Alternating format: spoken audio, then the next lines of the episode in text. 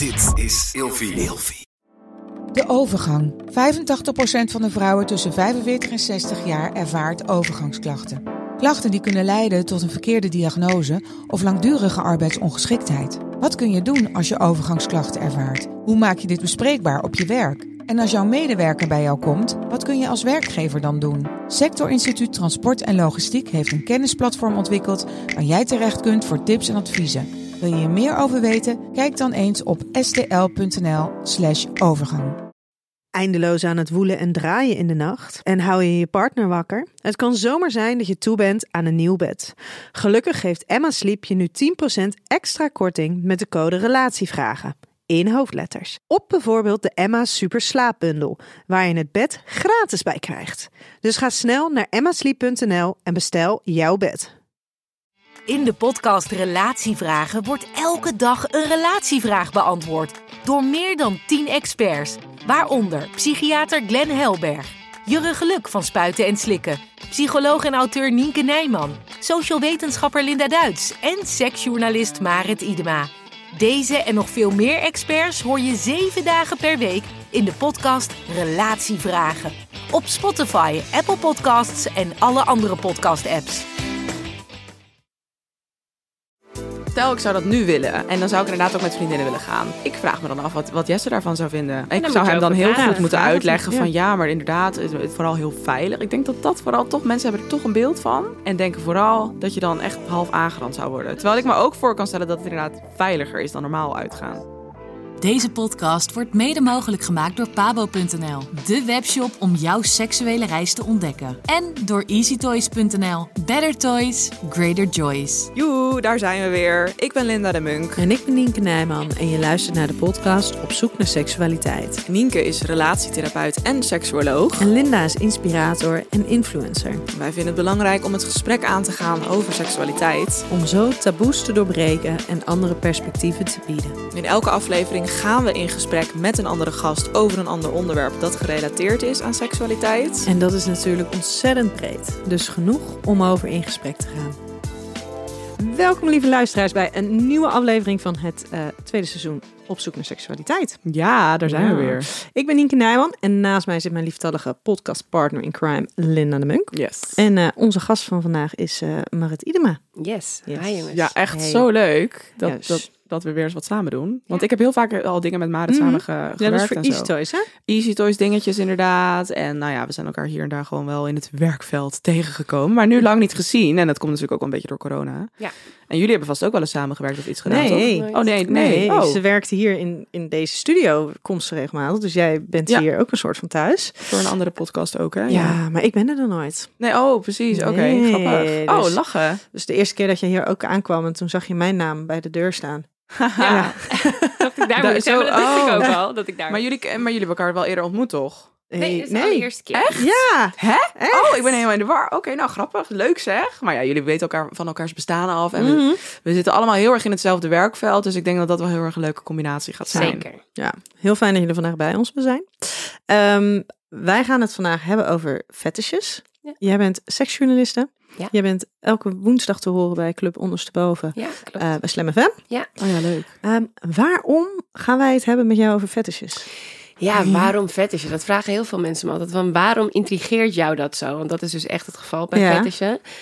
Ik, ik, ik kan dat nooit zo goed uitleggen, maar er zit iets van waarom... Ik, ja, ik ben altijd dan zo benieuwd van waarom vinden mensen ja, objecten of rituelen zo opwindend. En ik vind de gesprekken met fetishisten altijd heel bijzonder. Vooral omdat het zich natuurlijk volledig in de taboesfeer bevindt, hun leven. En ja, dat er, op de een of andere manier intrigeert me dat enorm. Ja, en, en krijg je daar ook nog wel eens antwoorden waarvan je echt denkt, what the fuck? Zeker, geregeld. Ja, ben je nog wel eens verbaasd over iets inderdaad? Nou, ik moet wel eerlijk zeggen dat ik, ik heb jarenlang over fetishen geschreven. En Ja. nu ben ik wel meer bezig met andere facetten van seks. Maar eh, ja, zo nu en dan komt er nog steeds wel. Ik krijg vaak berichtjes toch wel van fetishisten die zich niet gehoord voelen. En omdat ik er eerder over gepubliceerd heb of iets over op, eh, op tv heb gezegd, dat ze me dan een berichtje sturen. Want dat is natuurlijk een beetje het vervelende aan een fetish hebben. Zelfs in deze eeuw, dat het gewoon nog steeds wel iets Mm. is waarbij ja, bijna iedereen denkt van, what the fuck, wat ben jij voor freak? Ja. En ja, het zijn vaak doodnormale mensen die hele bijzondere seksuele voorkeuren hebben, die zich totaal niet gehoord voelen, die, zich, die dat niet eens met hun partner durven te bespreken. Dus die dan mij een berichtje sturen van, hey, ik doe dit en dat en ik wil eigenlijk gewoon een keertje mijn hart luchten. Daar komt het op neer. Mm, ja, dat kan me Hey, en voor eh, de luisteraar die niet weet wat een fetish is, hoe omschrijf jij een fetish? Uh, hoe omschrijf ik een fetish? Eigenlijk dat je opgewonden wordt van een bepaald lichaamdeel of een object. En dan uh, ja, een lichaamsdeel wat niet dus de borsten, de billen of de vagina of de penis. Ja. Ja. En onderscheid tussen iets mooi vinden, iets aantrekkelijk vinden, iets opgewonden vin- opwindend vinden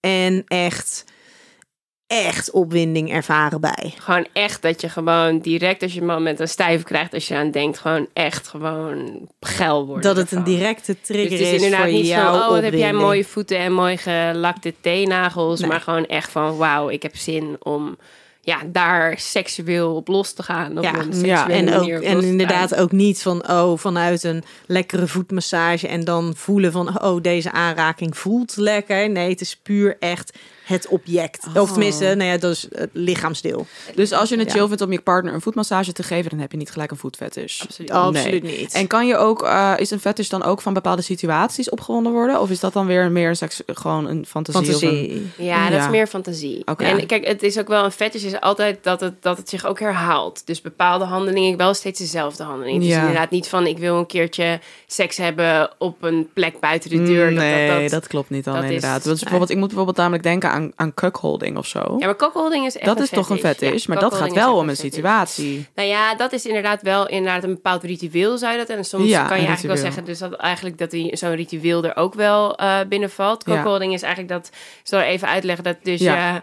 ja. ja, dat wij hebben een relatie, Linda en ik, en ik vind het enorm opwindend om seks te hebben met een hele ja, stoere man, die eh, terwijl zij toekijkt en die man en ik haar totaal vernederen. Ja, Zegt van, precies. Jij bent ontzettend heel- lelijk ja. en wat hij nu bij mij doet, dat zou jij nooit kunnen. Oh, dat hoort er dan wel echt bij. Het is niet alleen is het echt- toekijken, hè? Het is niet alleen het toekijken, het is Oh. echt de vernedering. Ja, ik En- vind dat een heel bijzonder iets. Dat is absoluut Ik, bijzonder. maar als in, Ja. ik, kan, ik word er wel een soort van door ge- getriggerd. Tuurlijk, maar dat maar heb op ik wat ook, voor ja. manier? Op een... Nou, nog niet Interessante dat hele een- vernederende erbij zou ik nog niet eens willen. Maar ik, zou, ik kan me best voorstellen dat ik ook nog wel eens een keer zou zeggen van...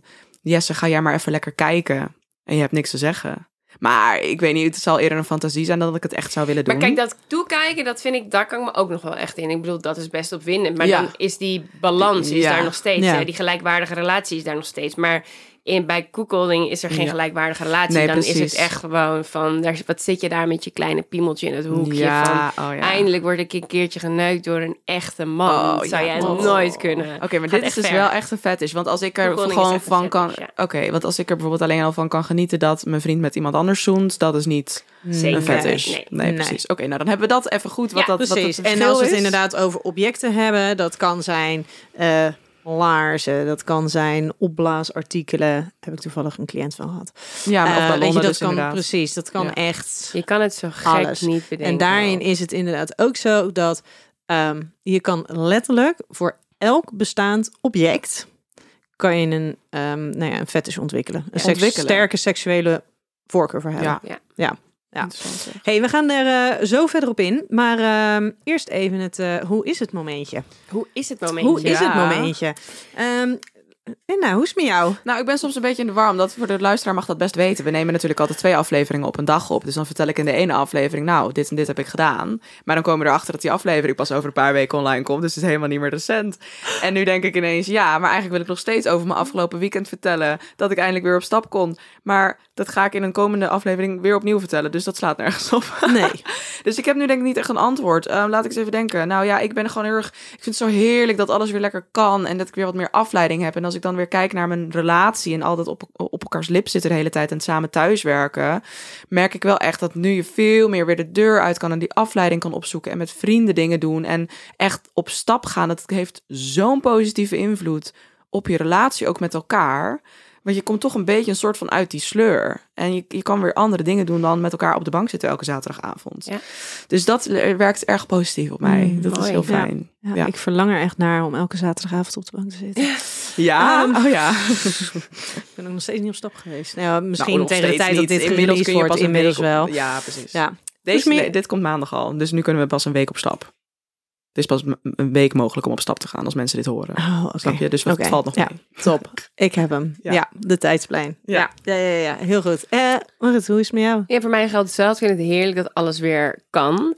Eh, ik heb in coronatijd een kind gekregen. Ja. Dus zeg maar, nu is het voor het eerst weer normaal zoals voor mijn kind het normaal was. Maar ik merk wel dat zeg maar het normaal van toen, dat ik dat niet meer aan kan.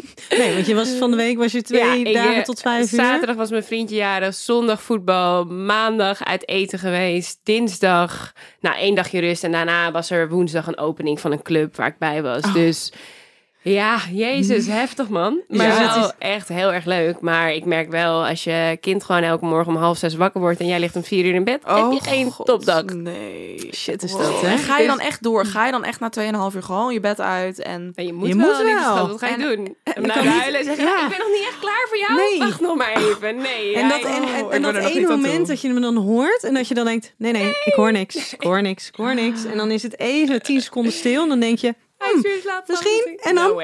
Want Nee. ik ben gewoon, stel ik ga op stap en ik zou om vier uur in bed liggen en ik word, moet om half zes wakker worden, dan ben ik gewoon nog dronken. Dus, oh, dat nou. eh, klopt, ja, Nou, dat kijk, is soms dan wel de wel- werkelijkheid, ja. Ik ben wel verantwoordelijk genoeg Ja, om te dat je zorgen dat gaat dat niet gebeurt. Nee, nou, ik bedoel, ik drink wel, maar Ja. ik zorg wel dat ik gewoon stop na een tijdje. Dat Ja, ik weet slim. van als ik een kind heb, ga ik niet vol Nee, gas. nee. En er is geen oppas en je bent gewoon s ochtends weer verantwoordelijk. Oké, interessant. Maar je, dan stort je toch op de helft van de dag in. Je moet wel. Kijk, je kan meer, dat merk ik Ja. ook sinds je kind hebt. Je kan veel meer aan dan dat je denkt dat je dat kan. is Want je mooi. moet wel. Je moet wel, je hebt geen keus. Ja, ik snap het. Ik snap Maar het. ik had wel een hele coronajaar een intens verlangen naar uitgaan, naar weer Mhm. dansen en alles. Ik was kapot om half twee dat ik dacht, ik wil naar huis. Maar dit is de eerste keer dat ik weer kan dansen. Maar ja, dus ik heb komt nu wel weer dat je er echt, echt ik dan dus goed moet een beetje lang- conditie opbouwen. Ja, maar dat is het, Ah. Je ja. conditie is soort van... We hadden, we hadden een verjaardag van een vriendin van ons en die werd 50. En die, had, ehm, die woont heel mooi in het bos en die had een festivalthema. eh Ja, leuk, Ibiza. Festival. Mhm. Eh, nou, het was geweldig. DJ, cocktailbar. Prachtig. Zeker voor zo'n eerste feestje is het weer heerlijk. Was lekker buiten. Het Mhm. was super lekker weer. En ik heb er zo hard gedanst. Dat ik, de, ik heb echt nog... Nou, ja, de volgende dag was ik sowieso niet zo heel veel waard. Mhm. En ik had helemaal niet zoveel gedronken. Maar alleen al het, het euforisch dansen heel de avond. Ja. En nou ja, dan wel te laat naar bed gaan. En die kleine ook weer net even iets te vroeg. Maar ik heb dus gewoon echt drie dagen last van mijn lijf gehad. Ja, want je van gebruikt het andere dansen. spieren dan tijdens sporten. Oh, dat ja. merk ik ook. Ja. Aan mijn voeten ook, kan geen hakken meer aan. Oh. Dus jongens, we Ja. hebben wat... eh, Nou, de moekers hoor. De moekers. Nou, ik heb er helemaal geen last van het op stap gaan. Ja, misschien een beetje Ja, van maar de jij kan alcohol. uit. maar, jong, eh, jij kan, jong, je ja, precies. En je kan uitslapen. Dat is echt de wereld Ja, van verschil. Niet normaal. Ik kan me dit inderdaad voorstellen, want ik ben, word letterlijk dan na op stap op een, om één uur 's middags wakker en ik draai me nog om en ineens is het drie uur en dan denk ik wel een keer. Oh, ik nou, kan überhaupt oh, niet meer uitslapen. moet ik zeggen. Nee, dat snap ik wel. Nee. Hey, ehm, eh, even voor onze luisteraar. Ja. Ehm, vergeet onze podcast niet te volgen. Inderdaad. En eh, je kan ons zien op YouTube. Ja. Toch? Ja, zeker. Ja? Dat kan. eh, Zeker. Je Dat kan ga jij weer meekijken. regelen? Ik regel altijd de video inderdaad. En eh, dat het eh, op, op Spotify en alle andere podcast apps komt. Dat eh, doe ik niet, maar dat doet onze producer. Dus dat is ook ontzettend fijn en leuk. Maar ehm, ja, nee, volg het zeker. En laat een eh, review achter op Apple Podcast als je dat chill vindt. Ja, wel een chille, eh, chille review. ja inderdaad. We willen, niet, die- we willen niet die vijf sterren verliezen. Nee, hè? Ehm, en als er iets is wat je niet leuk vindt, laat het ons dan even weten. Dan kunnen we er wat mee. Ja. Ja. Hey, Marit, ik had aan jou gevraagd of jij misschien een vraag hebt die jij hebt, dan wel een vraag die jij veel krijgt. Even kijken hoor. Ehm, nou, als we het toch over vetjessen hebben, Ja. dan eh is Laten we het een daarover hebben. vraag eh, die ik dubbel kan gebruiken. Namelijk, ik krijg echt heel vaak de vraag, omdat ik er dus veel over heb gepubliceerd, van heb jij zelf ook een fetish? Ja. En ik ben eigenlijk ook wel heel erg benieuwd of jullie er een hebben. En ik moet er wel bij zeggen dat helaas zitten we hier nu met drie vrouwen. Ja. Er zijn minder vrouwen die fetish hebben. dan Oh, mannen. echt waar? Ja. Maar we Oh, hebben ook een producer achter de schermen. Nou ben Misschien ik wel. dus ook wel eigenlijk heel benieuwd of die er een Ja. heeft. Dat zou nieuw voor mij zijn, denk ik. Wil je dat vertellen? En het, het hoeft dus niet zo extreem te zijn. Hè? Je kan dus ook voor Hoeft niet. Je mag je extreemste achterwege laten. mooie hakken. Wat was ook weer de definitie van een fetish? Eigenlijk een, een, nou, dat je opgewonden wordt van een bepaald lichaamsdeel. En wat dus niet genitaal is, laat ik het zo even verwoorden. Oh ja. En uh, of van een bepaald ritueel of van een bepaald object. Oké, Ja, dus een vochtige vulva, dat Dat telt is- niet mee. Telt niet Nee. mee, nee. Oké, eerst jullie drieën en Gaat ik dan moet moet- even Als je erover na moet denken, dan, Ja, dan is het er niet. Nee, Nee, dat is al een niet. antwoord. Of- Nee. Kan het ook zijn dat je er niet van bewust bent? Nou, het kan natuurlijk wel. Nee, dat denk ik op jouw leeftijd niet. Nee. Kijk, als je. Ja, want ik ben geen twintig meer. Maar nee. Dan was je echt wel een keertje dat, Ja, dat ding tegengekomen. ja, Nou, dan is dat mijn antwoord. ja. Ja. Oké. Ja. Nee, dan had jij ondertussen dat wel een keer tegengekomen. Nee. Nou, ik denk wel dat ik misschien wat afwijkendere seksuele voorkeuren heb dan de gemiddelde mens. Maar eigenlijk valt dat denk ik ook wel weer mee. Hoezo Eh, zou je afwijkendere... Nou, meer gewoon. Want dan leg je ik toch ben wel een heel norm o- erin, hè? Ja, maar ik zie wel een beetje, kan wel een beetje om me heen zien wat redelijk gemiddeld is voor mensen van mijn leeftijd. En ik denk dat ik misschien wel wat gekkere dingen doe qua seks met meerdere mensen en dat soort dingen. Dat Ja, maar- doet niet iedereen zomaar van mijn leeftijd, denk ik. Ja, maar is dat omdat ze het niet willen of dat ze niet weten dat het er is, kan, Oh, mag, hoor- gelegenheid? Ja, nou, met iedereen waar ik het over heb, ze hebben heel veel mensen ook gewoon niet die behoefte per se. Ik denk dat het ook te maken heeft met dat jij niet zo jal- jaloers bent. Dus dat je dat Ja, gewoon... ik denk het ook. Op het moment dat je dat aspect al wegneemt, dan sta je veel meer open voor veel meer dingen. Ja, dus, dus, maar ik heb dat echt, ik heb het, ik heb gewoon heel erg een, een sterke voorkeur naar eh, seks met meerdere mensen. En dat is tot nu toe nog alleen nog maar met drie of vier geweest. Dus ja, misschien wordt het ooit wel meer. Dat lijkt Maar me is het een must? Seks met meerdere mensen? Nou, ik merk wel dat het ergens altijd in mijn leven wel weer terugkomt, ja. Is het nu Ja. ook met je huidige vriendje gebeurd?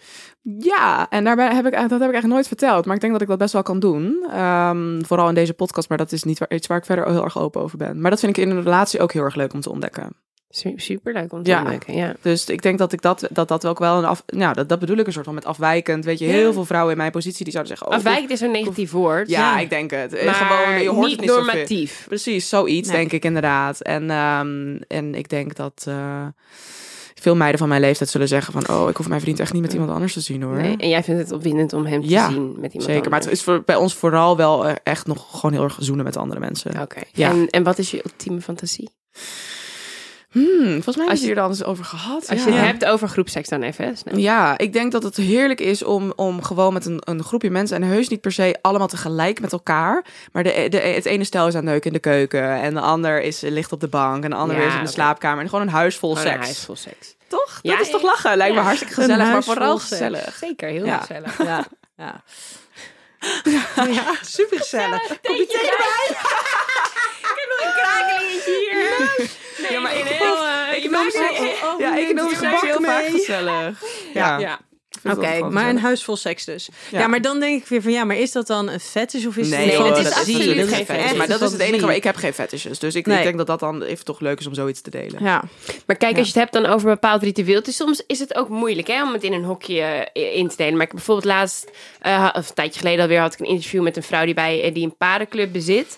En eh, daar is een gangbang night, eens in de zoveel, zoveel tijd. En er zijn dan echt gewoon vrouwen die op één avond met honderd mensen, met honderd mannen seks hebben. Er is dan letterlijk een rij en die werken ze gewoon allemaal af. Ik vind wel dat dat dan in de Ja. categorie fetish valt. Omdat het iets meer... dan is ja het, het ligt eraan wat, wat de intentie is. Ja, het is gewoon echt. En is dat omdat ze daar seksuele opwinding bij ervaren? Dat mag ik open van wel. Ja, maar dat- weet je dus niet, hè? Ja. Of is het ook een soort van bevestiging, leegte opvullen? Dan kom je op dat hele psychologische aspect Tuurlijk, is- maar kijk, vaak is dat natuurlijk met de fetish kan het ook vrij extreme vormen. En het is vrij, vrij dwangmatig bij heel veel fetishisten. hè. Ja. Dat komt ook omdat het zo in die taboesfeer is dat je er niet open over kan praten. En dat weet je natuurlijk ook. Hoe meer die seksualiteit een taboe is, hoe extremer de Ja, uit, hoe meer schaamte er En is. hoe meer de schaamte. Ja. En ook hoe extremer ja.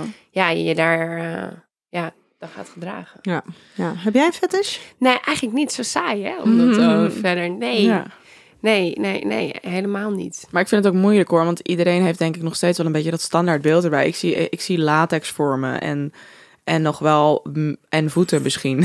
Ja. Maar ik kan ook niet zo heel veel verder denken van wat daarin eigenlijk allemaal mogelijk is. Ja. Ja, vraag maar raak. Ik heb Ja, nou, precies. Daar gaan we straks van alles over leren. Ja, dat is leuk. Ja, terwijl als je dan denkt aan latex, kan je natuurlijk ook vragen: ja, maar is, dit, is dat in de context van fetish of is dat meer in de context van de BDSM? Ja, hè, daarom. Ja, maar En vaak is het wel wel een beetje aan elkaar. hè. Heel Ja. veel van de fetish zit echt volgas in de BDSM. Zien Ja. dus weer, ja. Ja, omdat ze daar een stukje van die, van die seksuele voorkeuren wel weer uit Ja, kunnen dus maar dat, dat zie je ook op Wasteland bijvoorbeeld. Daar, dat is gewoon een paradijs voor fetishisten. Ja. Ja, omdat daar niks te gek is. En Ik als je het dan hebt over de norm, ja, de norm die, die is daar zo anders. Ja, heel leuk, want ik vind jouw verhalen over Wasteland altijd het meest fantastisch. Ik moet nu ineens ook denken inderdaad aan iemand die dan zich, die het heel geil vindt om zich als deurmat te laten behandelen. Ja. Dat is echt cool. Of Ja. tenminste niet Trampling fetish heet dat. Oh, heet dat zo? Ja, Ja. oké. Ja. Ja. dat vind ik dus echt bijzondere verhalen. Maar goed, dan komen we zo nog wel allemaal op, toch? Ja, ja, Of ja, niet? ja, Of gaan we er al helemaal zeker. induiken? Nee, nee, nee, nee. Ja.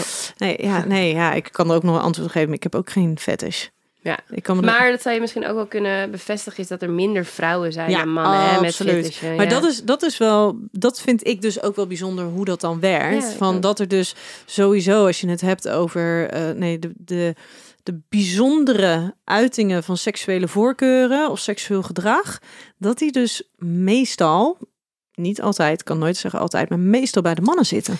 Ja, dat is wel bijzonder hoe dat werkt. Hè? Want ehm, Nancy Friday, weet je, ik Ja. ken haar boek Ja. over fantasieën uit de Ja. jaren 50, 60, echt super lang geleden. Als je dat leest, dan denk je, vrouwen hebben die fantasieën echt wel hoor. Want in hun fantasie gaan ze, dat gaat over seks met paarden, octopussen, Oh, ja, allerlijpste Ja. orgies met hun vader. Dat je denkt, holy Oh, shit. Maar het daadwerkelijk ernaar willen Precies, handelen. dat is wel een groot verschil. En dan, en dan aan de ene kant zit daar een stuk van, ja, maar is dat dan schaamte, ongemak, iets dat ze het niet durven of niet denken dat, dat, dat, dat er gelegenheid voor is?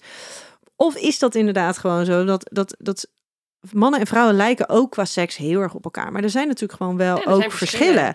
En ook inderdaad met dat, met dat hoe ze reageren op fantasieën en hoe hard ze dat eigenlijk nodig hebben en hoe rijk dat hun seksuele relatie kan maken.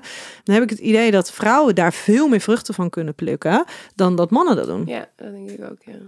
Ja, dus wij doen het in onze fantasie, maar niet Ja. per se. Dat denk ik We handelen er niet per se naar. En Nee. ik denk dat dat met, met objecten, dat dat wel echt iets meer voor mannen lijkt te zijn. Want- Maar waar komt dat vandaan? Is dat een bio- biologisch bepaald iets of zo? Is het gewoon ja, toevallig? ik, dat, dat, Nou, dat, dat kunnen we zo. Dat Ja, gaat oh. zo even in een eh, hebben we in een stelling. We gaan wel gelijk even naar de Ja. eh, stellingen toe. Ja. Ehm, de eerste stelling. Iedereen heeft een fetish als ze maar lang genoeg zoeken dan we hun eigen seksualiteit onderzoeken. Oh, wauw. Geen idee. Ja.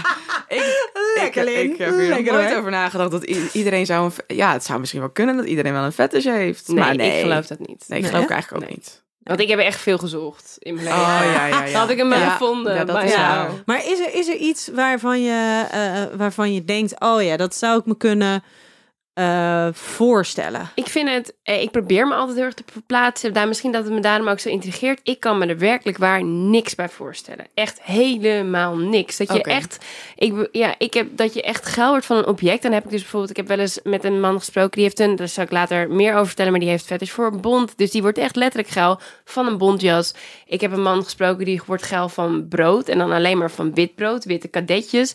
En dat vind ik dan zo. Ja. Dan denk ik, vertel me meer. Ik je Ja. Maar hoe kan je godsnaam geil worden van een kadetje? Dat, dat kan ik me zo niet Maar voorstellen. ik vind het dan, dan wil ik wel gelijk weten, van willen ze dat dan ook in, eh, toch in een context zien met dan bijvoorbeeld een sexy vrouw die dat Het kadetje vasthoudt? Hij, deze- of de sexy vrouw die de bontjas aan heeft, of letterlijk een bontjas op de bank geflikkerd en daar dan... Het liefst wel. Dat Ja, merk hè? ik wel bij de... Zullen we verder gaan met de stelling dat we hier ja. straks over gaan? Of zal ik het nu gewoon Nee, zeggen? doe maar. Nou, dat is dus wel inderdaad... Kijk, de meeste fetischisten die... Of het nou gaat om een laars of om een speelgoedautootje of brood of Die willen het liefst het wel in een sexy setting ja, hebben. ja, dus precies. Deze man die bijvoorbeeld een fetish heeft voor witbrood, die speelt het liefst samen met zijn vriendin daarmee. Dan legt hij het op de borstel of dan oh ja, deed dat zij snap het. ik dan wel weer. Ja, dan Nou, deed zij het op zijn piemel of whatever ze ermee deden. En die bondfetish is hetzelfde verhaal. Hij, hij kwam er dan achter doordat zijn oppas, dat is meestal zo, hè, de oorsprong vindt plaats in de jeugd, dat zijn oppas Oh, ja. bijvoorbeeld een bontjas en dan vond hij dat vroeger al, Oh. dan raakte hij dat materiaal aan en dan dacht hij al meteen van wow, dat is Dit geil. voelt lekker. En toen nam hij mee naar boven, die bontjas. En toen ging hij voor zich eerst zichzelf ja, hem aantrekken en Oh, aftrekken in ja. die jas. En daar, zo begint het spelen met, met zo'n object. Ja, en tuurlijk. uiteindelijk wil je ook daarin steeds een stapje verder gaan. En dan wil je het liefst natuurlijk dat een mooie vrouw die jas aan heeft. Zodat je samen de liefde kan bedrijven Want je, met je seksuele voorkeur kan dus bijvoorbeeld bij mannen Ja. nog steeds gewoon zijn dat ze op vrouwen vallen. Dus Ja, in principe precies, vinden ja. ze vrouwen ook seksueel opwindend. Alleen eh, ligt hun primaire focus van seksuele opwinding ligt dus bij dat object. Alleen Ah, Ja, waar het heel vaak mis, is het. misgaat of misloopt, is dat er dus zoveel schaamte is rondom dat object. En bijvoorbeeld een bontjas kan je nog best wel makkelijk implementeren. want je, witbrood die, is die- echt- wit brood, dat is echt alweer een ding. Want hoe ga je dat dan in het spel samenbrengen? Of Op bomen. welk Sommige mannen worden Ja. geil van bomen. Ja, letterlijk alles Oh, kan. Ja, ja dat snap ik wel. Ja, ik zit letterlijk al deze voorwerpen hier, hier om me heen zie Ja, ja. eh, te bedenken. Waar ik me bijna alles wel bij kan voorstellen. Maar boeken zou ik wat minder... Nee, maar dat is heel lastig. Van hoe ga je in godsnaam aan je partner vertellen dat je geil wordt van een boom? Zonder Ja. dat die denkt, nou, joe, ik vond je leuk, maar ook weer niet zo leuk. En misschien nog wel meer opgewonden raakt van de boom dan van de partner. Ja, want dat is ook Ja, een ding, hè. Is dat tuurlijk. eigenlijk, is inderdaad wat jij zegt, zeg maar, fetishisten hebben ook normale seks, om het maar even zo te zeggen. Ja. Maar eh, dan, dat is eigenlijk totaal niet bevredigend genoeg. Want Nee. dan, ja, het object moet erbij. Ja, nou ik had, ehm, dat was, de, en dat vond ik eigenlijk vond ik dat heel verdrietig. Gelukkig is- zijn de gesprekken daar super goed gegaan. Er kwam, bij mij kwam er iemand binnen en die had dus eh, een, een, een jonge man, begin 30. En die had dus vanaf jongs af aan, had hij dus al een voorkeur voor latex handschoentjes in combinatie met seks. Oh ja. Nou, en dan in het verhaal, hij kwam dus met heel veel schaamte en ongemak binnen. En hij kwam dus eigenlijk ook met de vraag binnen van, goh, ik, ehm, het lukt me dus niet om te genieten van het vrije met mijn vriendin. Ehm, want wat deed hij dus? Hij was zo, hij schaamde zich zo voor zijn eigen seksuele eh voorkeur. Dat hij dus bang was dat als die opgaan in de opwinding, dat hij dus ook zou gaan fantaseren. Dat hij dus in gedachten zou gaan denken aan die latex handschoenen. En hij, hij voelde er zoveel schaamte bij dat hij dacht: nee, nee, ik ben met mijn vriendin aan het vrijen. Dus mijn opwinding, alles moet er nu, alles wat er is, een opwinding, moet tussen ons zijn. Mhm. Dus ik, ik ga een soort van vreemd als ik, als ik aan, mijn, aan, mijn, aan mijn seksuele voorkeur ga ja, denken. precies. Ja. Maar wat er dus gebeurde was dat hij dus ehm, zich zo afsloot voor datgene wat er dan op dat moment als seksueel contact was, dat hij dus ging dissociëren. Hij dacht, als ik maar gewoon weg ben met mijn Oh, gedachten, ja, ja, ja. dan, dan ga ik dus ook niet eh, aan, aan die handschoenen denken. Mhm. En door het te normaliseren, door te zeggen, weet je, eh, dus door een stuk van die schaamte weg te nemen, durfde die op een gegeven moment wel die fantasieën daar te laten zijn. En, en mocht het onderdeel zijn van, waardoor hij ineens ook merkte dat hij het vrije met zijn vriendin veel lekkerder en opwindend Ja. kon vinden, omdat hij het samen kon voegen. En heeft hij het ook verteld aan haar? Ja, zij wist het. Zij wist het en zij vond het dus, ja, het was echt zijn schaamte. Het was Mm, echt oh, het zijn gewoon. schaamte. Ja, zij wist het. Er waren zelfs een aantal keren geweest dat ze latex handschoentjes erbij had gepakt. Eh, maar door, de, ondanks dat, ook dan kon hij er dus niet helemaal van genieten. Omdat het toch die schaamte zat. Ja, maar dat zit zo diep, hè, die schaamte. Ja. Als je dan denkt vanuit huis, ja, je krijgt eigenlijk met de paplepel ingegoten dat dit is normaal en dat is dat dat moet. En Ja. als je seksuele voorkeur afwijkt, ja, het is een het is een kutwoord, maar eigenlijk het Ja. enige Woord, dan ja, dan word je eigenlijk gewoon jarenlang geteisterd door Ja, schuld en, en schaamte en eenzaamheid. En ja. Ehm, je richt je dus heel dat gezonde stukje seksuele ontwikkeling. Ja, dat, dat mis je dus eigenlijk. Dat sla je over. En ehm, je kan wel zeggen, ja, je moet normaliseren. Maar je weet ook wel realistisch gezien, er zal altijd een soort van discrepantie blijven tussen het volledig kunnen normaliseren en dat mensen er gek van op zullen kijken. Tuurlijk. En je hebt daarin ook wel weer, ik bedoel, de food fetish is veel meer geaccepteerd Ja. dan de fetish voor oh, brood. ja. Ja. Ja, ja, ja, ja. Ja. Dus ja, Ja, we gaan zo nog even door op het ontstaan van fetishes. Ja. En dan zal ik ook nog even over dit ontstaan. Want dat, ik, dus, ik vind dat dus echt fucking briljant. Als je gaat kijken hoe dat dus zich ontwikkelt. Mhm. Ehm, als je je schaamt voor je fetish, onderdruk je een stuk van je eigen seksualiteit. Ja, maar ik denk dat dat bij elke, elke vorm van schaamte over je seksualiteit ook zo is. Dus dan voel je niet meer... Ja, schaamte is natuurlijk zo'n menselijk iets. En ehm, ja, als, dan, dan... Je kan gewoon niet 100% all out gaan als je je ergens voor schaamt. Kijk, het probleem is op het moment dat je het ook tegen probeert te werken of het totaal onderdrukt, dit soort dingen laten zich niet tegenwerken. Net zodat je seksuele voorkeur ook voor, of je als op een man Ja. valt, terwijl dat niet mag, dan laat zich dat ook niet tegenhouden. Mm. Het gaat niet weg. Het gaat niet weg. Dus dat is met een fetish ook zo. Dus je kan nog zo hard vechten tegen het gevoel. Maar dat gaat alleen maar zorgen voor excessen uiteindelijk, geloof ik. Dus op het moment dat je er, ga er op een gezonde manier mee op. Praat erover, zodat je dat ook vermijdt. Want het kan ook gewoon gebeuren dat je fetish echt een totale obsessie wordt. Hè? Zeker als je daardoor, dat je er met niemand eh, mee praat. dat je ja. gewoon, ja, dat, dat, dat Nou, is wel, ik denk schuilt dan- wel een gevaar in. Inderdaad, hoe meer je dat wegdrukt, hoe meer het een obsessie gaat worden. Want hoe Ja. meer je het accepteert, hoe meer het er dus mag zijn Ja. en hoe minder het een probleem Ja. wordt. Ik heb trouwens Ja. ook wel eens fetishisten gesproken die zeiden van, van zou je het fijn vinden als dit om als dit als jouw fetish helemaal niet meer taboe waren dat hij zei zeg maar ja het maakt het ook juist zo geld dat het taboe Ja, is. Oh, maar dat is natuurlijk met heel veel dingen ja, zo, dat hè? is natuurlijk wel als het niet mag en je voelt je een beetje dat je denkt dit is niet helemaal. Ja, eh, ja, dus dan, maar dan wat denk zou ik, mijn moeder denken? Ja. Dat is toch wel Oh, ja. extra opwindend. Oh, ook, daar, daar, daar zeg je wel iets. Want ik denk dan ineens van ja, als het het seks überhaupt ineens totaal geen taboe zou zijn. En je zou letterlijk tegen de bakker zeggen: Oh, ik heb zo'n geldpotje. Lijkt me- verschrikkelijk. Ja, Lijkt me verschrikkelijk. Nee, precies. Want dan zouden Ja. wij geen eens werk hebben. Nee, dat zeg En- ik altijd. Ja, toch? Ja. Dus mij hoeft eigenlijk dat is het taboe ook er niet af hoor. Laat het maar lekker op zitten. Eigenlijk best. Nou ja, taboe is dan misschien een heel lastig woord. Maar, maar als, als, als seks gewoon niet meer zo. eh, nou ja, beladen. Ja, denk het. Als ja. alles comfortabel zou zijn. Ja, alles dus het maar is eigenlijk ook wel gewoon inderdaad goed. Ik weet niet helemaal of het goed is dat het een taboe is, maar wel een soort van, je houdt je er toch een beetje... Het is, het is extra opwindend door taboe, maar taboe kan ook alweer heel zwaar op je schouders wegen. Ja, Het is ja, een beetje schaamte en Ja, de inderdaad. eenzaamheid. Ja. En, ja, maar inderdaad, en, en sowieso is natuurlijk schaamte is, is een, werkt heel erg belemmerend. Maar ik denk dat, dat mensen ook niet moeten onderschatten dat een fetish echt oprecht een fetish hebben. En niet gewoon eens een keer iets opwindend vinden.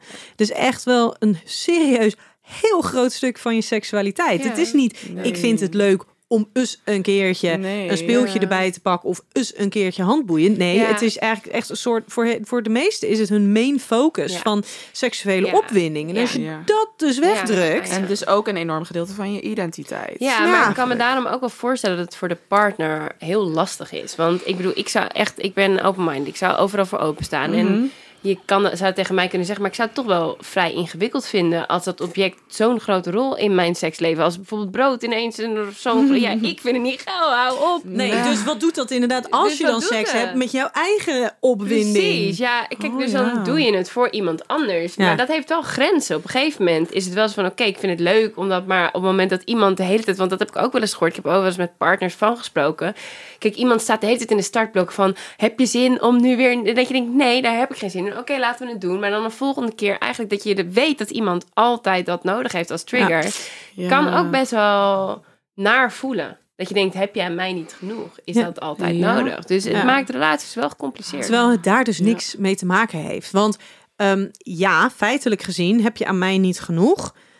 Feitelijk gezien, om die mate van seksuele opwinding te behalen, heb ik inderdaad niet genoeg aan jou. Punt. Maar dat heeft niks te maken met jou als persoon. Dat heeft te maken met mij en het feit dat ik een fetish heb. Precies, ik zou het bij elk ander mens Precies. hebben. Bij elke ander Dus je concurreert niet met een het mens, maar je concurreert wel met een fucking Precies. product. En dat lijkt me ook niet makkelijk. Nee. Nee. en inderdaad, op het moment dat je dan ervoor kiest om te zeggen van nou oké, nu gaan we dat wel implementeren, dan weet je dus oké, dan doe je dat dus voor de ander en dan richt de seks zich meer op de ander.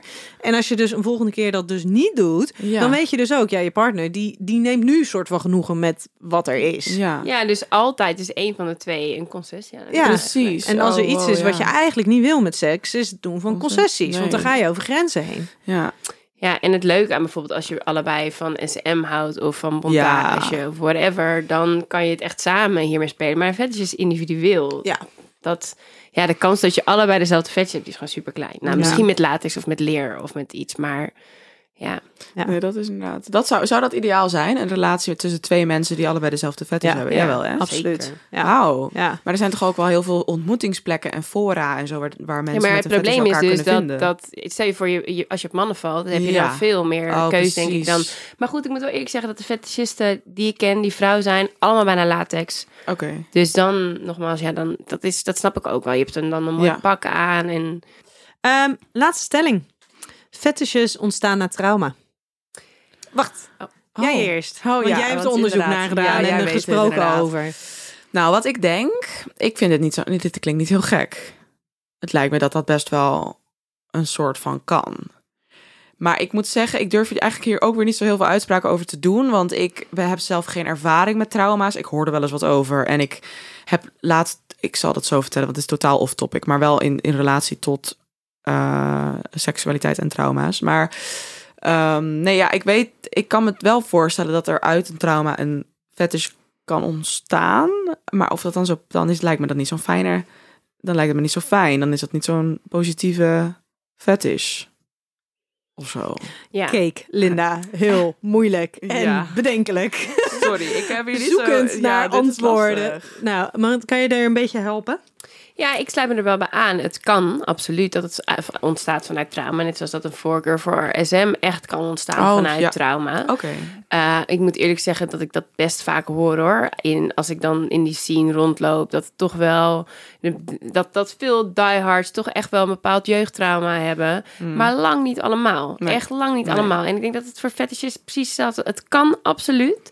Maar de fetishisten die ik heb gesproken, die. eh, ja, 99% heeft helemaal geen trauma. Nee. En daar wil ik heel snel even aan toevoegen, want we hebben het hier niet over BDSM. Ja. Heel veel mensen denken inderdaad dat mensen die aan BDSM doen, en BDSM is heel breed, hè? Heel- want dat gaat over bondage, eh, submissive dominance, eh, Ja.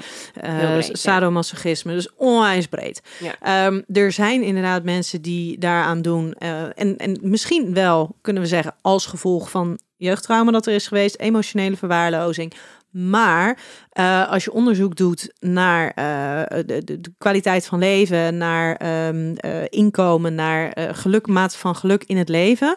En dat is binnen die BDSM-scene eigenlijk heel makkelijk te meten, omdat het eigenlijk heel goed geregistreerd is wie daar allemaal bij betrokken zijn. Ehm, daar zie je dus dat ze over het algemeen zijn het hoger opgeleide mensen. Zijn ze gelukkiger in, in levenskwaliteit, in levensgeluk. inkomen is vaak hoger. Dit verbaast me echt niks, nee. Nee, dus dat is wel even. De- Over- dus dat gelijk ja. even erbij zeggende. Het is dus inderdaad niet zo dat. Niet eh, per dat definitie. Per definitie. Absoluut Absoluut, niet. niet. Absoluut niet. En BDSM is echt een emotioneel spel. eh, waar, waar, waar, nou ja, waar het ook heel erg om andere dingen gaat. Ja. Maar wellicht kunnen we het nog een keertje over BDSM hebben.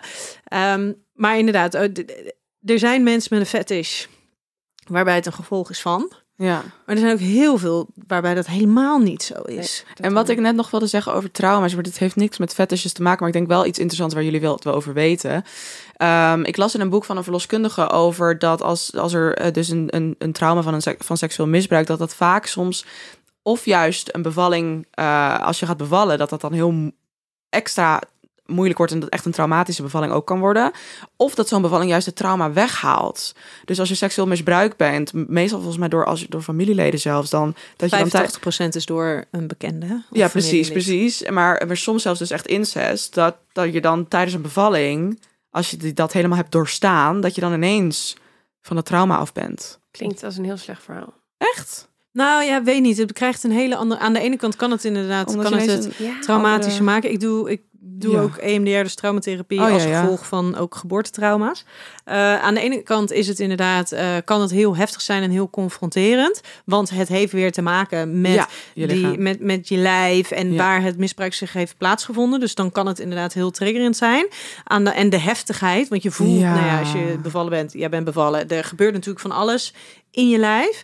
Eh, aan de andere kant is het natuurlijk ook zo, je hele lijf en je lichaam, specifiek dat lichaamsgedeelte, krijgt natuurlijk een andere betekenis. Precies. Dus dat gaat verder dan alleen dat seksueel trauma, wat er altijd zo dit- zwaar op heeft gelegen. Dit ging, dit ging ook over een vrouw die dus aan, eh, als gevolg van dat, van dat seksueel misbruik eh, vaginisme kreeg. En ook eh, dat ze niet eens wou dat haar man haar naakt zag. Altijd seks in de pikdonker. Dat, en dat was toen na haar bevalling weg. ja, want Dus dan heeft eigenlijk het... omdat de link tussen seksualiteit en je lichaam verdwijnt. Anders je bent wordt. nu moeder. Ja, je bent en nu je hebt moeder. En je hebt iets, iets heel bijzonders gedaan. En je hebt soort van het, je hebt het trauma overleefd. En je bent echt, je, je kan je eigen betekenis ermee Het is even aangeven. off-topic, maar ik vond het, Het wel een zal- mooie, mooie Ja, bevinding. Maar het zal dus ik- ook niet bij, Maar zeker nee, niet bij iedereen zo niet. werken. Heel hoor. van je trauma, dat vind ik nog steeds moeilijk te geloven. Maar ja, Ja. nou ja, weet je, dat is natuurlijk met wat je bijvoorbeeld met EMDR ook doet, is helen van een trauma door op onbewust niveau heel intens die emoties te gaan beleven. En als jij tijdens je bevalling in een soort van trance raakt, als je echt dat allemaal gaat voelen en ervaren, ja, dan is, Mhm. kan dat natuurlijk stap ook je in de wel. goede richting. Dan. Precies.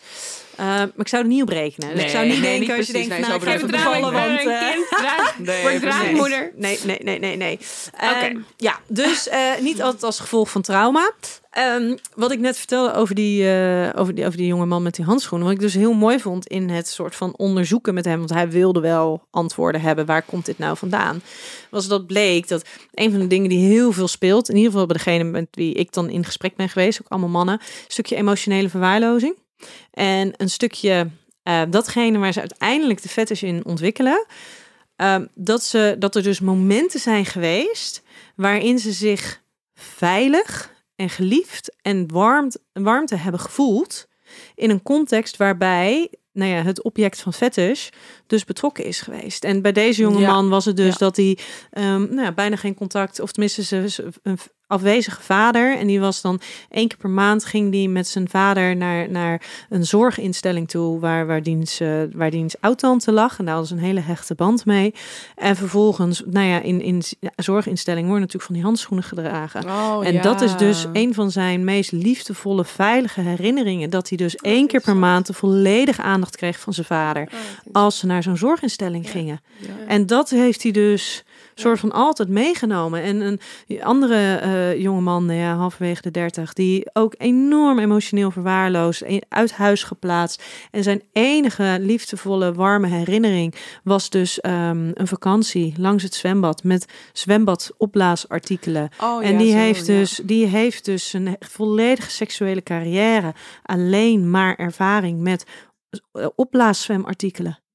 En, en wat gebeurt er dan met iemand? Hoe kom je daar dan achter, zeg maar? Wat gebeurt er dan? Je, krijgt, je voelt wel een heel sterk Gevoel. emotie bij die spullen. Ja, waardoor je daar echt een soort van naartoe getrokken wordt. En Ja. zeker ook omdat het dus voor heel, als je, als je terugkijkt naar de ontwikkeling ervan, er zijn ook heel veel die er dus zo'n emotionele relatie mee hebben. Mhm. Dus dat voelt ook heel Ja, sterk. Het is niet zo, het is ook niet zo dat ze random even iets uitkiezen.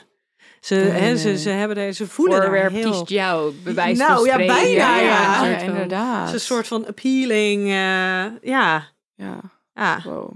Interessant. Ja, ehm, wat, wat is voor jou de gekste fetish? Nou ja, of gekste zit weer zo'n oordeel in. Eh, meest bijzondere. Meest bijzondere. Ja, maar- Hmm. Dus dat is dan toch wel iets waarvan je, wat je misschien nog nooit eerder had gehoord. Of, Nou, dat trampoline vond ik ook wel heel bijzonder. Dat is Mhm. dus de, ja, de, de levende deurmat, zeg maar. Ja. Ehm, Zit het hem dan in de vernedering? Zit het hem dan in, de de pijn fysieke? letterlijk Pijn? de verdrukking. En daarmee natuurlijk ook wel de vernedering. Want je wordt letterlijk gebruikt als voetveeg. Dus ja, dat is absoluut een, eh, een aspect dat meels- meespeelt. Maar het is ook de pijn. Want bij heel veel eh, levende deurmatten is het ook wel dat ze het liefst verpletterd willen worden door mooie vrouwen met naaldhakken. ja. Ja, ik heb ooit een fetischist ontmoet die daar dus heel erg opgewonden van raakte. En die kon klaarkomen eh, op het moment dat, dat een vrouw met een naaldhak op zijn lies stond. Dan kon hij letterlijk een hoogtepunt gebruiken. Maar Maar zo intens, zo, intens. opwindend. Ja, maar dat is natuurlijk ook wel, dat is soms ook met fetish. Het is ook best link, want Ja, hij kan wel had hier gevaarlijk echt zijn. een super groot litteken. Ja, want, ja zo Oh, een stevig, want hij hield ook van stevige vrouwen die dan met 14 centimeter zulke dunne Oh. Ja, als je op een gegeven moment voel je ook niet meer zo goed wat je wel niet aan kan. Nee, dat dat is natuurlijk met breathplay hetzelfde. Op het moment dat jij het heel oh ja, opgewonden, opwindend vindt om ja, dat iemand je kilt, dat is best moeilijk om daar nog een. eh, Is dat Ja. wel een fetish dan? Want dat heb ik wel op zich. Nee, ik zou het niet. Als jij af en toe een fysieke je keel sensatie. lekker vindt. En het is de fysieke sensatie. Precies, ook hè? licht worden in je hoofd. Ja, Precies. dat. het is het zuurstoftekort. Ja. ja. En de controle kwijt zijn. Wat ik dan en- weer zo bijzonder vind daaraan is dat breathplay binnen de zeg maar de officiële ook de zero tolerance eh, BDSM-wereld is breathplay mag dus binnen feesten niet worden toegepast. Oh ja, interessant. Ja, maar dat is Oh. eigenlijk heel logisch. Ja, Net dat zoals dat in de echte diehard BDSM zien dat er niet gedronken Nee, wordt. Dat er geen, geen nee, drugs nee, het is echt een zero tolerance ik, ja, eh, dat ja. Dat, Dat is ook ik- gewoon levensgevaarlijk. Ja, een vriend Ja. van mij hield er enorm van. Maar die had ook met te veel drugs en drank laatst een eh, seks met een meisje die gewoon oud ging. Oh. En ja, je schrikt je helemaal dood. Want dan denk je ook van, oh, stel je voor hè, dat En dat gebeurt. Ja, en hoe ga je dan verklaren van, ja, ze wilden het. Ja, Ja. oké, hoe weet jij? En daarin Ja. is natuurlijk tot consent en van tevoren Ja. echt eigenlijk letterlijk op papier zetten. Het is oké. Ja, Ja, maar dat dat, is bij zeker BDSM als je echt heel kijkt belangrijk. inderdaad naar drugs, drank, Mhm. iemand op een bepaalde avond ontmoeten, meteen seks. Ja, het is echt, hij zei ook, ik doe het nooit, maar ook nooit meer. Nee. Terwijl het echt voor hem was het ja, hetgene wat hij het aller, allergeilst vindt. Ja, Ja. wauw. Ja. Ja. Maar inderdaad, ik, vind, ik denk dat sommige mensen dat zich niet verwachten. Dat van dat soort feesten, dat dat inderdaad heel vaak echt zonder drank en drugs is. Terwijl je wel weer met seksfeest, echt zo'n, laten we zeggen even tussen aanhalingstekens, normale seksfeesten, waar niet per se BDSM aan de gang is. Tenminste, ik weet niet. Ik ben er nooit Kijk, ik geweest. zeg, ik er zeg toch niet ook dat gewoon er niemand is die dat doet met drugs en drank. Nee, maar het is maar het gewoon is van- onverantwoord. ja, en de echte diehards, die weten beter dan dat. Die zijn Ja. wel Ja. verantwoordelijk genoeg om dat niet te doen. Ja. En er zijn natuurlijk, en er is een verschil tussen de mensen die aan BDSM doen, gewoon om dat hele eh spelelement. Ja, en daar het, het, de ander vertrouwen, de, de, de, Precies. dat, echt dat Ja. hele emotionele spel. Ja. En mensen die het doen voor de seks. Precies. Precies. Daar zit echt, want, Ja. want heel veel BDSM gaat helemaal niet over seks. Nee. En die vinden Nee. zij zo jammer, want die natural high die is zo sterk. Je hebt geen drugs en drank nodig. Nee, Dat, lijkt me is- ook, want ik zie mezelf nog best wel eens naar een seksfeest gaan. Maar dan denk ik dat ik wel iets zou, nodig moet hebben. ja, iets zou gebruiken of iets. Tuurlijk, maar het is Ja. niet zo dat op Wasteland niemand dat doet natuurlijk. Nee. Maar dat vind ik ook. Dat, maar dat is echt dus ja, weer wat minder traditionele Precies, BDSM. Ja. En daar zit je inderdaad weer meer in de fetishes. Ja. En dan zie je inderdaad de volwassen mannen zie je met halsbanden om hun nek op de grond lopen. Ja, en dat is BDSM zoals ik het kende. Ik ben één keer op een feest geweest waar niet eens muziek gedraaid werd. Waar iedereen Ja. gewoon aan het stil, iedereen dronk koffie. Gewoon. Ja. Oh. en je krijgt je partner, je, je hebt je partner, zeg maar, met wie je aan het spelen bent. En En maar wacht, geen muziek. Dus, we, dus wat Geen gebeurt muziek, er? Wat doen mensen eh, dan? Gewoon spelen. praten. Nee, ja, oh, spelen. niet. Het is echt een BDSM-feest. Oh. Ja, echt. Het is geen De seksfeest. focus Nee. ligt daarop. En Ja. dat is inderdaad wat Nienke net zegt. Dat, dat het echt is penetratieseks of überhaupt vinger of dat wordt ook Nee, niet gedaan. Dat gebeurt allemaal niet, joh. Joh, ik vind het zo'n bijzondere wereld. Maar zeg maar, een, een seksfeest zie ik mezelf dus nog ooit wel heen gaan.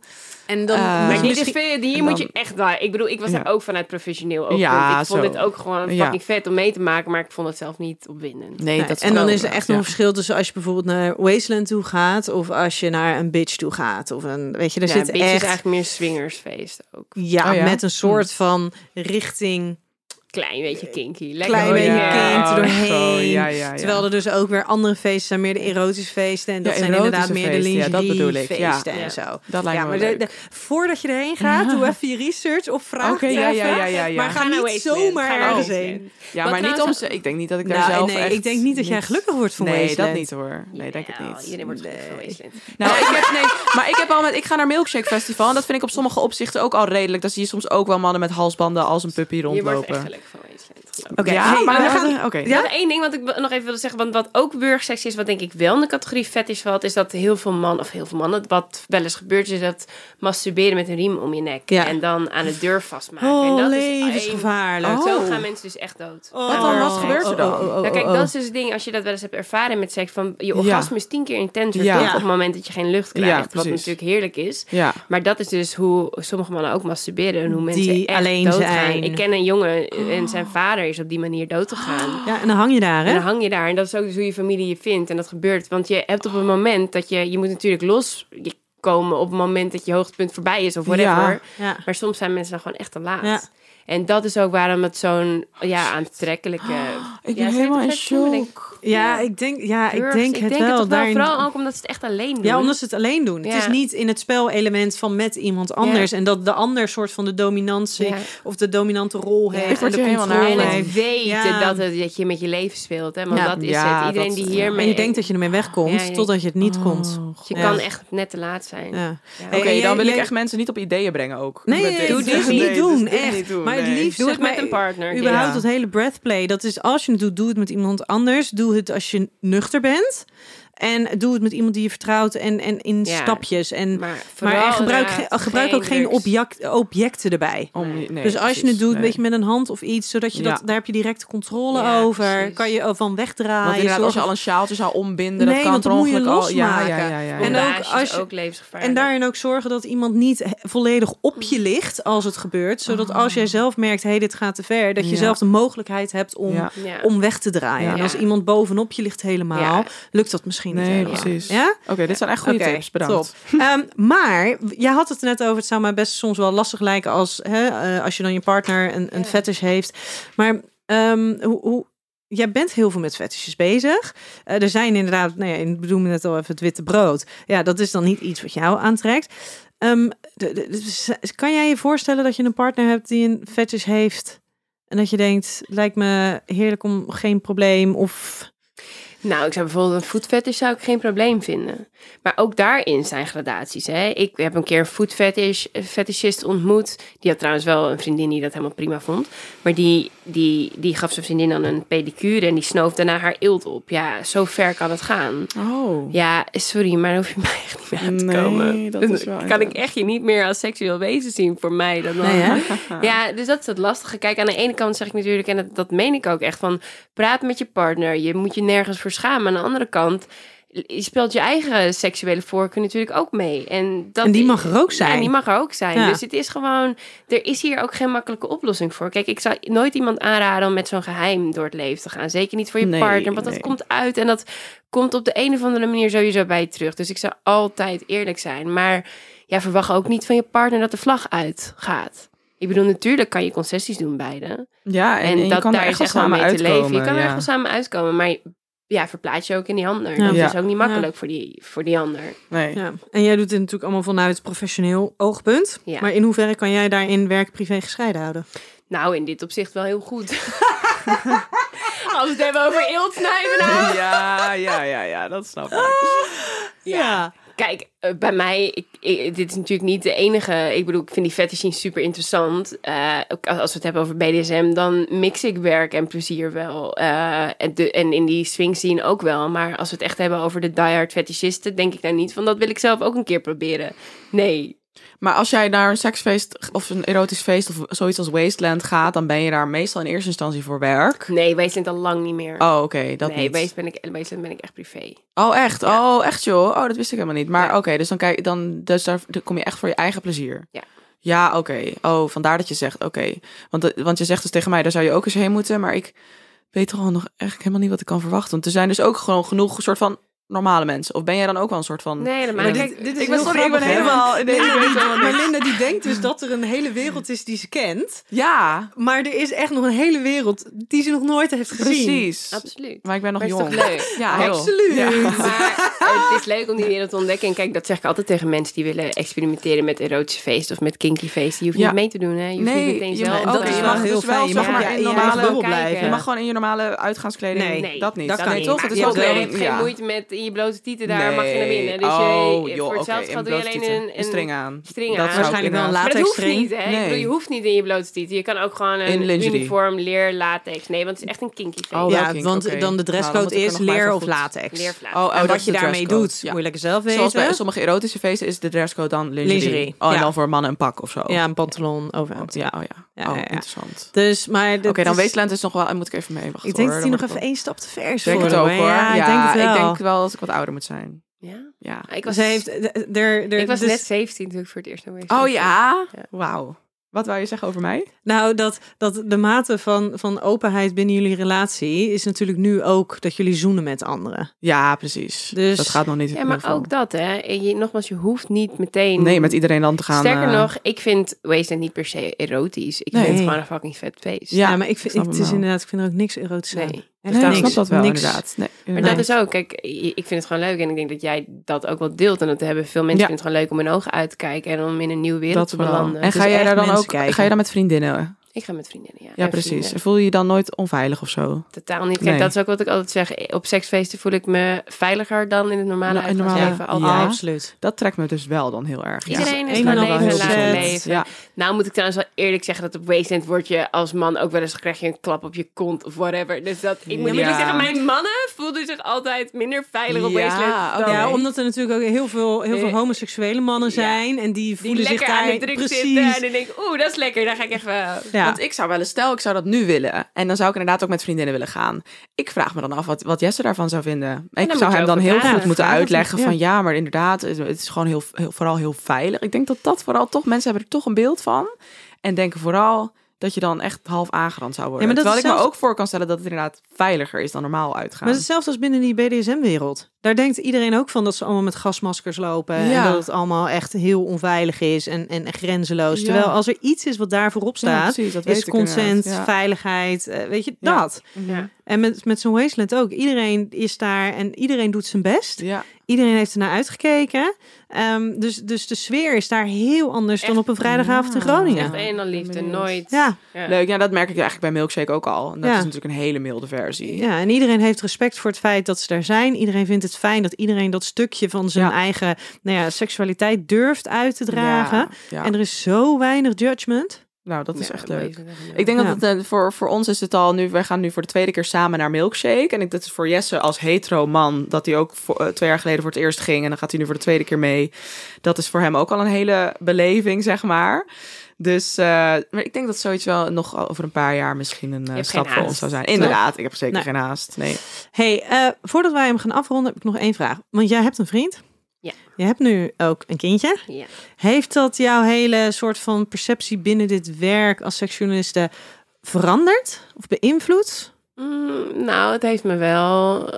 eh, Seks, seks was voor mij altijd iets spannends en iets leuks. En nu, door de jaren heen, is het ook wel, heb ik ook wel geleerd. Het is niet alleen maar leuk en spannend, het is ook keihard werken. En eh, ingewikkeld vaak ook. Zeker als je net een kind hebt gekregen. Mm. Ik weet dat relaties hard werk zijn, maar je seksleven op peil houden, man, dat is ook wel Mm. gewoon echt aanpoten.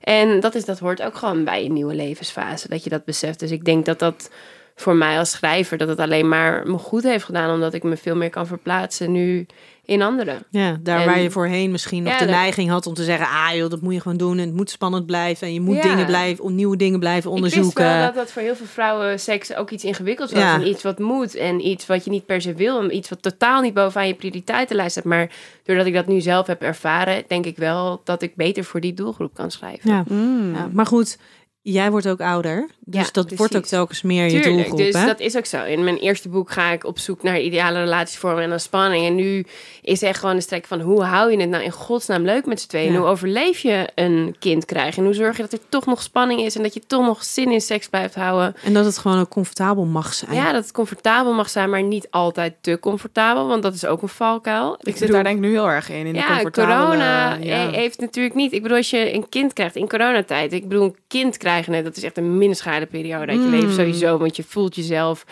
echt Mm. Totaal geen seksueel wezen meer. Dat ik zeker die eerste periode, dus zwangerschap vond ik ook echt verschrikkelijk. Iedereen die zegt van, een zwangere vrouw is prachtig. En, Oh, eh, ja, ik vind dat ook. Verschrikkelijk. Ja, prachtig Ja. voor een schilderij, maar niet om seks mee te hebben. Nee, nee, nee, nee, nee. Ja, nee. ik kan me dat dan niet in voelde ik, dan voelde ik Hou die handen op mijn buik en dan zei ik, nou schat, doe je handen maar op mijn borsten, want dit voel ik vind ik niet zo Ja. fijn. Oh, ja. Oh, nou, ik vond Oh. het prima. Raak me maar aan, maar ik werd gewoon... Nee. Ik voelde Nee. me gewoon... Ja, ik voelde gewoon geen Mm, opwinding nee, meer. ik. En ik wist wel dat het belangrijk is. Want kijk, dat is natuurlijk de valkuil waar heel veel stellen Het is niet voor niks dat zoveel stellen uit elkaar gaan in die eerste, na, na de eerste vier jaar. Ja, want je verliest elkaar. Je verliest elkaar. Kijk, die zwangerschapsperiode is gewoon super lastig. Mensen hebben soms negen maanden geen seks. Ja. En dan komt nog die eerste Dan- babyfase. Dus Oh. tegen de tijd dat een kind vier is, hebben stellen misschien zes keer seks gehad over de... Ja. Nee, dat is natuurlijk overdreven. Ja, ik snap het. maar er zijn er, er zijn er heel veel inderdaad die wel. gedurende de zwangerschap dus negen maanden bijna geen seks hebben. En dan vervolgens dat weer oppakken. Nou ja, dan wordt natuurlijk geadviseerd de eerste zes weken geen seks. Afhankelijk van je fysieke herstel kan dat langer zijn. Dus dan ben je zo een jaar verder voordat je überhaupt intiem bent geweest. Dan seksueel intiem bent geweest. En ga het dan maar weer eens Ja, doen. want dan ben je zo uit de flow en dan ben je echt een soort van broer en zus. Dus ik zeg ook Oh, ja. iedereen, ook al kan je, nou even plat gezegd, niet neuken, blijf wel intiem Ja, met maar Maar elkaar. ik ben al heel erg op, eh, zeg maar, hoe mijn seksleven nu al is. Dus letterlijk maar 50% van de tijd neuken. En de rest van de tijd Ja. alle andere seksuele handelingen. Dus de, Tuurlijk, focus... bij de meeste mensen. ja, denk ik eigenlijk. Ja, denk je? Want ik Nou, ben, ik hoop in mijn het. leeftijdscategorie ligt nog heel erg de druk op Ja, penetratie. of ze seks. vinden het geen seks dan. Ze noemen het dan eigenlijk... Ik heb Ja. veel vriendinnen die zeggen... Ja, ik heb echt... eh, ja, toen eh, die keer was niet echt seks. Nee, Want dat was alleen maar een beetje vreemd, bij- een beetje, Ja. nee, oké, maar ik denk wel overal, in, in ieder geval, ik hoop inderdaad dat dat toch wel voor het merendeel ook... Ja, ik denk het. Maar als je een beetje, dat is, ik merk ook als je seks hebt met, moet hebben met condoom, want dat doen wij, dat je ook creatiever wordt in andere eh, dingen. Ja. Dus het is maar net Ja, wat je ook Omdat je geen zin voor hebt jou. continu die condoom erbij te nee, pakken. dus. En dat je net zo anders. satisfied bent met even lekker samen masturberen of weet ik veel wat. Ja. Precies, maar jij bent natuurlijk al heel bewust, zeker voor jouw leeftijd. Ja, en ik dat ben zit ook- zo in het onderwerp Zij natuurlijk. zit Dat is zo'n wel onderwerp, maar dat merk ik ook al samen masturberen. Maar zolang je het maar blijft doen, Ja. want dat merk ik wel echt, want je raakt zo makkelijk uit En to be honest, samen masturberen vind ik honderd keer intiemer. Ja, Dan even, een flirtje of geslacht. Maar ik vind het heel interessant. Ja. Ik ga je boek in de gaten houden, want daar kan ik, kan ik me alvast lekker op voorbereiden. En, eh, en, maar wij gaan het namelijk in de aflevering met Masha, Masha van Beauty Gloss. Ik heb het veel eerder al een keer gezegd dat ze lang zou komen, maar die, die, dat is verzet. Ja, maar nu komt ze echt en met haar gaan we het echt hebben over seks en moederschap en seks en zwangerschap. En ik ben zo benieuwd naar haar al verhaal. zin in. Ja. Ik hoop dat ik dat nooit Dus, eh, want we gaan hem afronden, toch? Ja, Ik denk wij ik, gaan eh, ja. absoluut afronden. Dankjewel dat je er was. Ja, en heel dat erg je bedankt. inzichten met ons wilde delen. En ehm, heb je nog wat te zeggen als Zeker afsluiter? niet. Tot over Nee? twee weken over we twee weken. Hoi hoi.